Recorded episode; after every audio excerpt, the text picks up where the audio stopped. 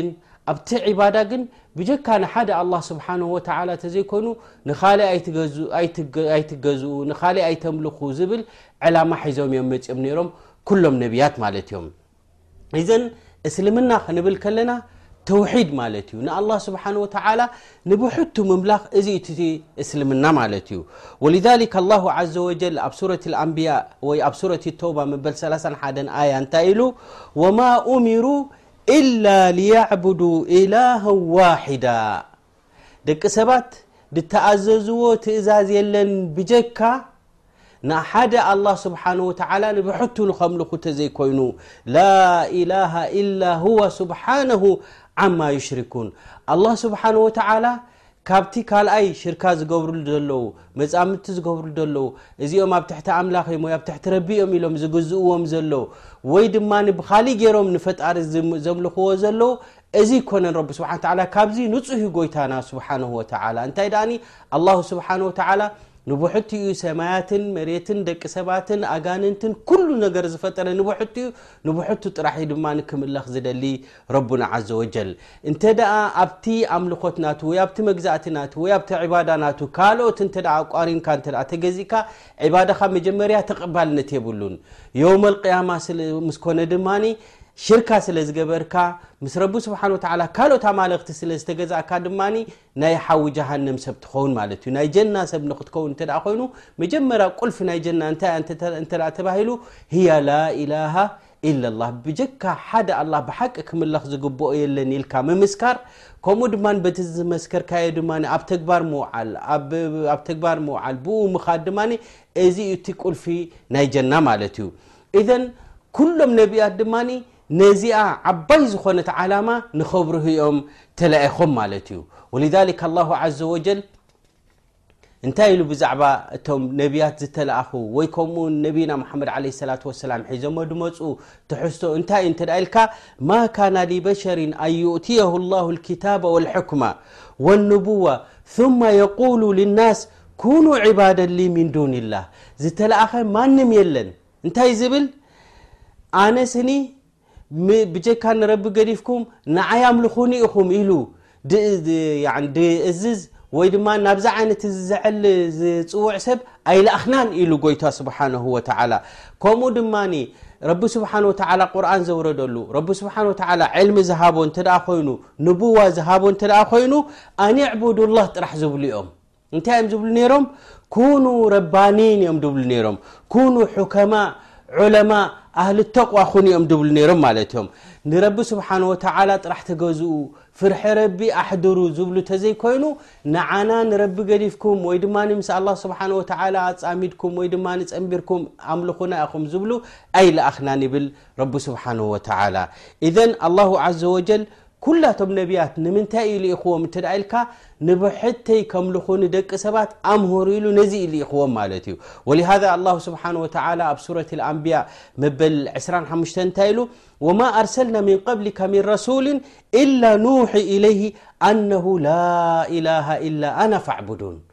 ዝኾነ ይኹን ቅድሜኻ እንልእኮ ዝነበርና ያ ሙሓመድ ያ ረሱሉና ኣንታ ልኡኽና ኣንታ ብሉፅ ዝኾንካ ልኡኽ ሙሓመድ صለ ላሁ ለ ወሰለም ቅድሜኻ ዝተለኣኹ እውን ትሕዝቶ ናታቶም እንታይ እዩ ዝብል ነይሩ እንታይ ኢና ዋሓይ ነልእከሎም ነርና ኢሉ ረቢ ስብሓን ወተዓላ ኣነሁ ላ ኢላሃ ኢላ ኣና ፋዕቡዱን ብጀካይ ካሊእ ኣምላኽ የለን ብጀካይ ካሊእ ጎይታ የለን ብጀካይ ብሓቂ ክምለኽ ዝግብኦ የለን እሞ ንዓይኒ ብሐቲ ኣምልኹኒ ዝብል ነዚ ዕላማ እዚኦም ሒዞም ድመፁ ማለት እዮም ከምኡ ስለ ዝኾነ እዩ ድማ ነብላህ ኢብራሂም ሙሳ ዒሳ ፈላሚ ናይ ዳዕዋ ውን ኖሕ ዓለይ ሰላም ኩላቶም ናብ ምንታይ ይዕድሙ ነይሮም ናብዛ ላኢላሃ ኢለ ላ ትብል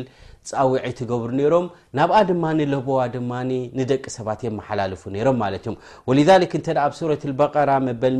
33 ዘሎ ኣያ እተ ርእና ወወሳ ብሃ ኢብራሂሙ በኒሂ ወያዕቁበ ያ በንየ ኢነ ላሃ ኣስጠፋ ለኩም ዲነ ፈላ ተሙቱነ ኢላ ወኣንቱም ሙስሊሙን ኢሎም እዚ ረኣይ ወሲያ ናይ ኢብራሂም ኢብራሂም ዓለ ሰላም ኣቦ ነቢያት ተባሂሉ ይፅዋዕ ማለት እዩ ብዙሕ ተቓሊሱ ብዙሕ ፃዕሪ ገይሩ ደቂ ሰባት ካብ መንገዲ ናይ ጥፍኣት ካብ መንገዲ ናይ ሽርኪ ኣብ ተውሒድ ንክኣት ማለት እዮም እሱ ድማ ንውላዱ ንያዕቁብን እንታይ ኢልዎ ንዘርኡ ናትውን ያ ቡነይ ያ በንያ ኢነ ኣላህ ኣስጠፋ ለኩም ዲን ኣላ ስብሓን ወተዓላ ድመረፁ ሃይማኖት ኣላ ስብሓን ወተዓላ ዝረድዮ ሃይማኖት ንብሕቱ ንኸተምልኹ እዩ ፈላ ተሙቱና ኢላ ወኣንቱም ሙስሊሙን ኢድኩም ዝሃብኩም ንኡ ጥራሕ ትግዝኡ ንኡ ጥራሕ ተምልኹ ኮይንኩም ካብዚ ዓለም እዚ ክትፍለዩ ኣለኩም እንተዘይኮይኑ ንኻሊእ ከይትግዝኡ ኢሉ ወስያ ሂቡ ማለት እዩ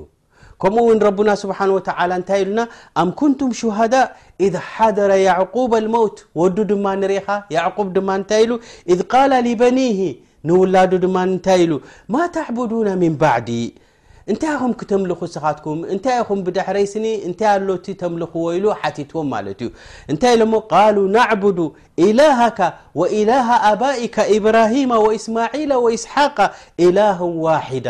እሞ ኣቦና እምበኣር ንሕና ነምልኾ ዶኒ እወ ንዓኻ ጎይታኻ ዝኾነ ፈጣሪኻ ዝኾነ ፈጣሪና ዝኾነ ነቦታትና ንእብራሂምን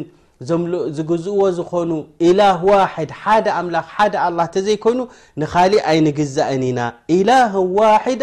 ወናሕኑ ለሁ ሙስሊሙን ንሕና እውን ኢድና ሂብና ኢና ናብዚ ጎይታና እወ ብሓቂ ክምለኽ ዝግብኦ ካልእ የለን ንሱ እዩ ሰማያት ዝፈጠረ ንሱ እዩ መሬት ዝፈጠረ ንሱ እዩ ንዓና ፈጢሩና ዘሎ እሞ ንዕኡ ጥራሕ ኢና ነምልኽ ዝኾነ ይኹን ወላ ነቢ እንተኾነ ወላ መላኢካ እንተኾነ ወላ ድበፅሐ እንተበፅሐ ደረጅኡ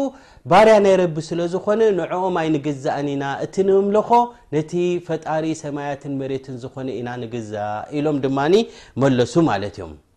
እዘን እምበኣረይ እዚ እቲ እስልምና ንሓደ ኣላ ስብሓን ወተዓላ ንብሐቱ ከተምልኽ ማለት እዩ ነዚኦም ድማ ደቂ ሰባት ወይ ድማ ካብ ኣላ ስብሓን ወተዓላ ምሩፃት ቅቡኣት ዝኾኑ ነቢያ ዝተላኣኹ ድማ ናብዚኦም ድዕድሙ ነይሮም ማለት እዮም ንደቂ ሰባት ብሓይሊ ጓዕሚሞም ኣይኮኑ ደእትዎም ነይሮም ናብዚ ዲን እዚ ላይክራሃፊዲን ደቂ ሰባት ዝደለይዎ ከምልኹ ክእሉ እዮም እንተኾነ ግን ሓላፍነት ናይ ነብያት ኣሎ ሓላፍነት ናይ ሰብ ፍልጠት ኣሎ ንደቂ ሰባት ክሕብሩ ኣለዎም እንተ ደኣ ዘይሓቢሮም ከዓ እቶም ሰብ ፍልጠት ድማ ንፅባሕ ንጎ ተሓተቲ ክኾኑ እዮም ግን ንደቂ ሰባት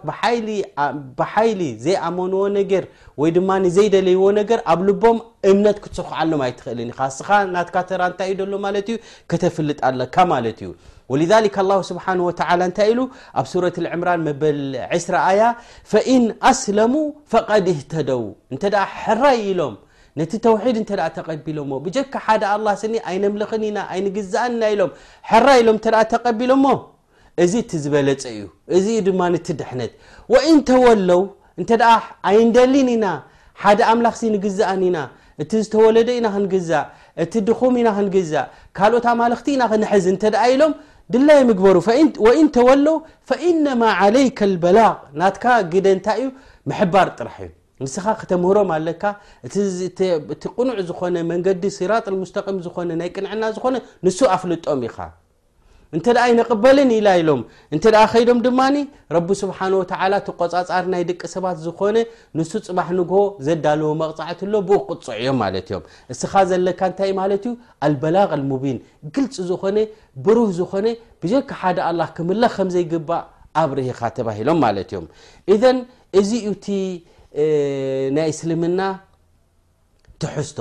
ንሓደ ኣምላኽ ንሓደ ፈጣሪ ንሓደ ኢላህ ኣላሁ ስብሓን ወተዓላ ንዑ ጥራሕኻ ክትግዛእ ደለካ ማለት እዩ እዚ ድማ ዩቲ ፅባቐ ናይ እስልምና ማለት እዩ ኣብ እስልምና ማዕረዮም ደቂ ሰባት ፍልል የብሎምን ኩላቶም ባሮት እዮም መላእካ እቲ ዝለዓለ ደረጃ ዘለዎ ነቢ ትድላዓለ ቁር ናብ ረቢ ስብሓን ተዓላ ዝቐረበ እንተኾይኑ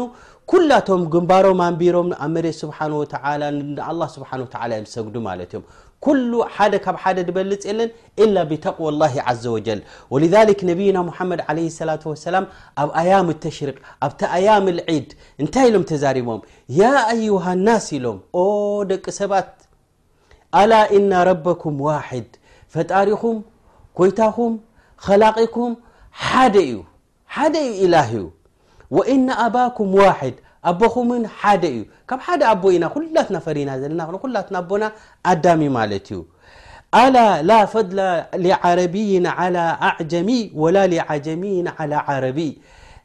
ሓደ ካብ ሓደ ኣይበልጽን እዩ ዓረበታይ እሞኒ ካብቲ ዘይዓረበታይ ወይ ድማ ዘይዓረባይ ዘይዓረባዊ ካብቲ ዓረብ ዝበልጸሉ ደረጃን ክብ ዝብለሉን ወላ ሓንቲ የለን إላ ብተقዋ ፍርሒ ኣላህ ዘለዎ ንኣላه ስብሓን ወተላ ዝግዛእ ዝኾነ ምእዙዝ ናይ ኣላህ ዝኾነ እዚ ደረጅኡ ክብ ዝበለ እዩ ኣይምልኽን እየ ንኣላህ ዝበለ ሕቁኡ ሂቡ ድማ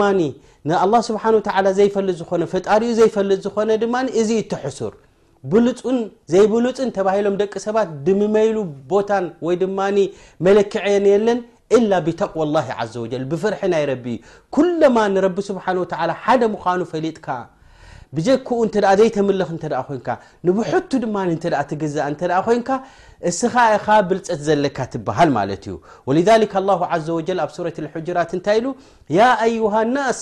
እና ኸለቅናኩም ምን ዘከር ወኡንታ ንሕና ኸሊቕናኩም ኣለና ደቂ ተባዕትዮን ደቂ ኣንስትዮን ወጃዓልናኩም ሽዑባ ወቀባኢላ ዝተፈላለየ ቀቢላታት ዝተፈላለየ ዘርኢ ዝተፈላለየ ዓድታት ውን ሃሊ ከም ዝህልወኩም ን ጌርና ኣለና ወጃዓልናኩም ሽዑባ ወቀባኢላ ብዙሕ ኣህዛብ ብዙሕ ቀባኢል ኣሎ ሊተዓረፉ እዚ ሓደ ወዲ እገለ እዚ ድማ ወዲ ዓዲ እገለ ተባሂሉ ንክፍለጥ ደኣ እንበሪ ሓደ ካብ ሓደ ዝበልፀሉ መምዘኒ ናቱ እንት ደኣ ደሊኹም እነ ኣክረመኩም ዕንደ ላሂ ኣትቃኩም እቲ ብሉፅ ዝበሃል ሰብ ምሩፅ ዝበሃል ኣብ ቅድሚ ረቢ ፈራሕ ዝኾነ ጥራሕ እዩ ንረቢ ስብሓን ወተዓላ ዝፈርሒ እምበር ብኻሊእ ኣይምመይኑ ብኻሊእ ደረጃ የብሉን ማለት እዩ ስለዚ እምበኣሪ ፈራሕ ረቢ ዝኾነ እዩ ክብ ዝበለ ደረጃ ኣብ ቅድሚ ረቢ ዘለዎ ማለት እዩ ኢዘን ይኣኽዋን እቲ እስልምና እንታይ እዩ እንተ ተባሂሉ እስልምና ማለት ዕባደት ላሂ ዘ ወጀል ዋሕደው ንርብ ንብሕቱ ንኣላ ስብሓን ወተዓላ ጥራሕ ከተምልኽ ንኣላ ስብሓን ወተዓላ ክትግዛእ እዚ እዩ እቲ እስልምና ማለት እዩ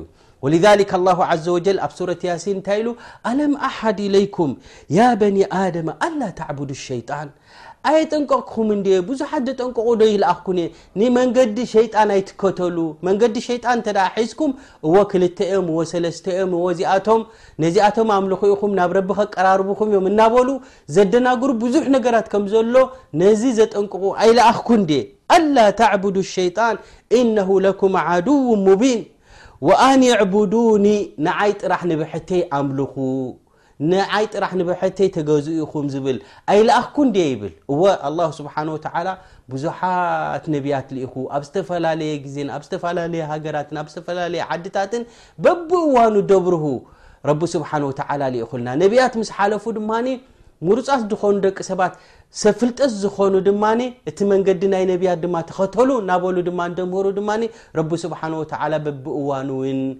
ኣተሲኡልና ማለት እዩ እንታይ ኢሉ ረቢ ስብሓን ወተዓላ ወኣን ዕቡዱኒ ሃذ ስራጡ ሙስተቂም ንዓይ ንብሐተይ ተኸተሉ ኢኹም ወይ ንዓይ ንብሐተይ ተገዝኡኒ ኢኹም እሱ እቲ ቅኑዕ ዝኾነ መንገዲ እሱ እቲ ቀጥ ዝበለ መንገዲ ምክንያቱ ሸይጣን ወለቀድ ኣضለ ምንኩም ጅብለን ከራ ሸይጣን ንብዙሓት ኣህዛብ ንብዙሓት ህዝብታት ኣጥፍኡ እዩ ናቱ መንገዲ ኣይትከተሉ ኢኹም ናቱ መንገዲ ናብ ጠዋይ ዝኾነ ናብ ጎባጥ ዝኾነ ድወስደኩም እቲ ጎባጥ ዝኾነ መንገዲ ናይ ሽርክ ዝኾነ ንካልኦት ባዕዳዊ ኣምላኽ እተ ተምልኽ እተ ኮንካ ድማ ናብ ጀሃንም ዝመርሕ እዩ ምክንያቱ ኣልካልቅ ዝኸለቀ ሁ ላ ስብሓን ወተላ ንዕኡ ንብሕቱ ኢኻ ድማ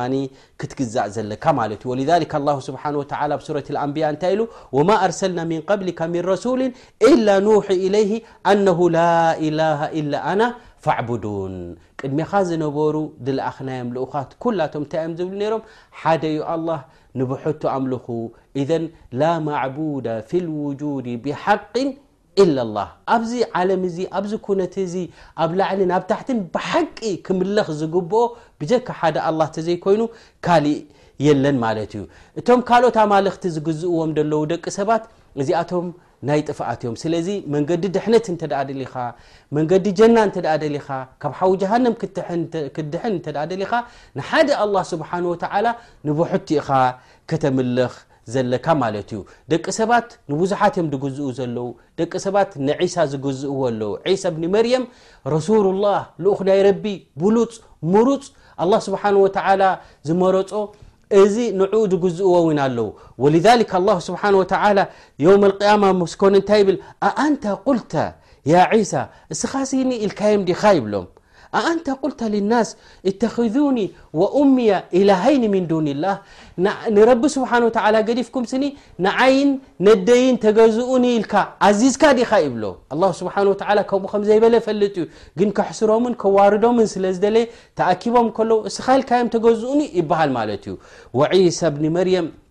ብጀካ እቲ ረቢ ስብሓን ወተላ ዝበሎን ረቢ ስብሓን ወተላ ዝኣዘዞ እንተዘይኮይኑ ካልእ ኣይበለን ማለት እዩ ወልሊክ እንታይ ይብል ስብሓነክ ንፁህ ዝኾንካ ጎይታ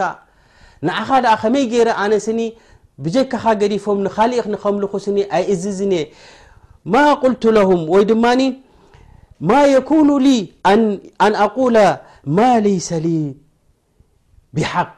ደይግበኣኒ ኣነ ኣይእዝዞምን እየ ይብል ማ የኩኑ ሊ ኣን ኣቁለ ማ ለይሰ ሊ ቢሓቅ ጉቡኦይ ኣይኮነን ኣነ ደኣ ፍጡር እንድየ ኣነ ደኣ ድኹም እንድየ ባዕልኻ ፈጢርካኒ ባዕልኻ ሸሻይ ዝለገስካለይ ኣብ ከብዲ ኣደይ መርየም ሸዓተ ወርሒ ተንከባኺብካኒ ከምኡ ድማ መውፅኢ ኣፍኲስካለይ ድማ ክበልዕን ክሰትን ከምኡ ድማ ብዙሕ ተኣምራት ሂብካኒ ሓደ ጎይታ እዩ እናበልኩ ዘምህር ዝነበርኩ ደኣ እምበር ካሊእ ኣይመሃርክዎምን እንታይ እየ ምሂርካ እንታይ እየ ድምሃርኮም ኣነ ዝበልክዎም ማ ቁልቱ ለሁም ኢላ ማ ኣመርተኒ እታ ዝበልካኒ ካብኣ ሓንቲ እመት እውን ኣይወፃኹን ሓንቲ ስድር እውን ኣየላገስኩን እንታይ እየ ኢለዮም ይብል ኣን ዕቡዱ ላሃ ረቢ ወረብኩም እየ ኢለዮም ኣነ ዝበልክዎም ረበይን ረብኹምን ንዕኡ ተገዝኡ ንዕኡ ኣምልኹ እየ ዝበልክዎም እንተደኣ ካልእ ዝበልክዎም እንተደኣ ኣሎ ኮይኑ ድማ ካባኻ ንላዕሊ ዝፈልጥ የለን ስለዚ ዒሳ ብኒ መርዮም ን እንታይ ኢሉ ኣንዕቡዱ ላሃ ረቢ ወረበኩም ንጎይታይን ጎይታኹምን ዝኾነ ተገዝኡ ኢሉ ማለት እዩ ከምኡ እዮም ድብሉ ነይሮም ወልዛሊክ ናብ ሙሳ ዓለ ሰላም ናብ ፍርዖን ተላኢኹ እዕቡዱ ላሃ ማለኩም ምን ኢላሂን ይሩ እዩ ዝብል ነይሩ መን ኣለኩም ጎይታ ብሓቂ ክምለኽ ዝግብኦ ብቸካ ሓደ ኣላ ካሊእ ኣሎ ድዩ ስለዚ ንዑ ተገዝኡ